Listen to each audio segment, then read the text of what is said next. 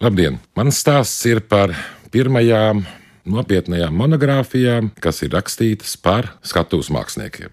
Bija 20. gadsimta sākumā daži apcerējumi žurnālos, bija brošūras par kādu personību, bet pirmais izdevums, kas ir nopietnais, tas ir Pauls Jēgers Freimans sarakstītā grāmata par latviešu psiholoģiskā teātra pirmo nopietnu aktrisu Dacu Akmentiņu. Tā ir izdota 1900. 29. gadā viņai dzīvē esot pamatīgi apskatīts viss viņas dzīves gājums. Jo Dārts Akmentiņa teātrī nebija tik ilga laika, 36 gadus, bet viņa paspēja nospēlēt visu gradāciju no puiku lomām, jeb kā tajā laikā rakstīja bikšu lomām, līdz mīlētājām, karalienēm un par viņas Laikam to izcilāko atveidoto lomu uzskatīja Rudolfa Blaumaņa Kristīni, ko viņa spēlēja 1905. gadā. Es atļaušos nocitēt mazu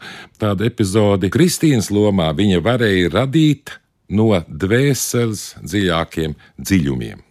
Tā raksta Paula Jēgara Freimana. Šo kritika un skatītāji laika laikos ir atzinuši par vienu no vislabākajām mākslinieces lomām, daži pat par vislabāko. Mākslinieca pati gan pēdējām domām nepievienojas. Viņa Kristīnas lomu gan ļoti labprāt tēlojusi, taču ir bijušas lomas, kas tā ir vēl mīļākas šķitušas.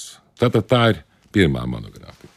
Otra monogrāfija, ļoti apjomīgā, kur ir vairāk autori, tas ir Edvards Smilģis un viņa darbs. Un tā tika izdota 1937. gadā, atzīmējot Edvards Smilģa 30 radoša darba gadus. Un tur autoru vidū, protams, ir arī Pauli Jēgara Freimana, kas apraksta viņa inscenējumus. Tur ir Kārls Strauts, kas apraksta viņa darbu kā aktierim, un tur ir arī Edvarda Virzas, Edvards Smilģa drauga ievadvārdi, kas raksturo Smilģa būtību. Grezns, skaists, ko izdeva pats Dailas teātris. Un pēc kara pirmā monogrāfija ir Berta Rūmniece, Latviešu teātris māmuļa. Viņa teātrī pilnvērtīgi strādāja 69 gadus. Paradoxāli tas, ka šeit, protams, figurē, ka to grāmatu ir sarakstījis Edvards Smilģis. Bet tā nav Edvards Smilģa rakstīta. Viņš, protams, ir stāstījis autoram, un autors ir Valts Grēviņš. Viņa tēvs bija dramaturgs un smilģa līdzgaitnieks Valdis Grēviņš, viņa brālis bija teātris vēsturnieks Mārs Grēviņš, nu, un jums visiem, protams, ir zināms Toms Grēviņš. Izstādē Nacionālajā bibliotekā, kas ir veltīta Oļģertam Kroderam, ir šis eksemplārs. Un tur 1958. gadā kad Oļģers Kroders divus gadus bija atgriezies no izsūtījuma. Ieraksts viņam ir manam mīļajam draugam Olim Valts. Tā varēja būt jo 40. gadu beigās, 50. gados abiem bija sava problēma, kāpēc to vajadzēja darīt. Valtam Grēviņam tāpēc, ka viņš 46. gadā tika izslēgts no Rakstnieku savienības. Līdz ar to mazas iespējas kaut ko rakstīt. Grēviņš bija izdevis kādu zvejas krājumu, kas padomju iekārtai nepatika, ļoti nepatika, un vēl Grēviņš arī 51. gadā izsūtīja. Savukārt Smilģi, kurš jau bija PSRS tautas mākslinieks, nebūdams komunistiskajā partijā, visu laiku apšaubīja, vai tomēr viņam ir pareiza ideoloģija. Un tas atkal būtu tā tāds pierādījums, ka nu, viņš par tik nopietnu dāmu kā Berta Rūmniece, tad reālisma aktrise, ja, uzraksta grāmatas. Mīļš bija stāstnieks, viņš bija inscenētājs, nevis rakstnieks. Fragments no šīs grāmatas jaunajā Rīgas teātrī sagaidīja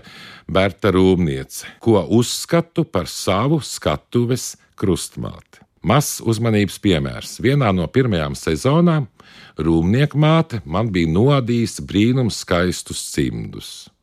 Bet iepriekš apvaicājusies aktrisei Tijai Bangai, vai tikai ar to jauno aktieri neapvainošot. Gaiša, nemākslota gādība ikdienas satiksmē no viņas dvēsa pretī ik uz soļa.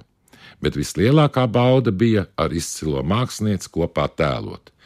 Reizē varēja mācīties no viņas neatdarināmās vienkāršības un pie tam dialogos, kā arī ansambļa sadarbē gūt vispilnīgāko atraisījumu, kādu sniedz atrašanās uz skatuves līdzās tādai partnerei un attieksmē, pret kuru nevar būt nekā forsēta mākslota. Daudz ieguvuši visi jaunākie aktieri, kam bijusi laime strādāt ar Bertu Rūmnieci. Faktiski ar tā laika, 49. gada mēraukli, te var just, ka smilģis tiešām tā par viņu varēja teikt. Vērts šādos materiālos ieskatīties.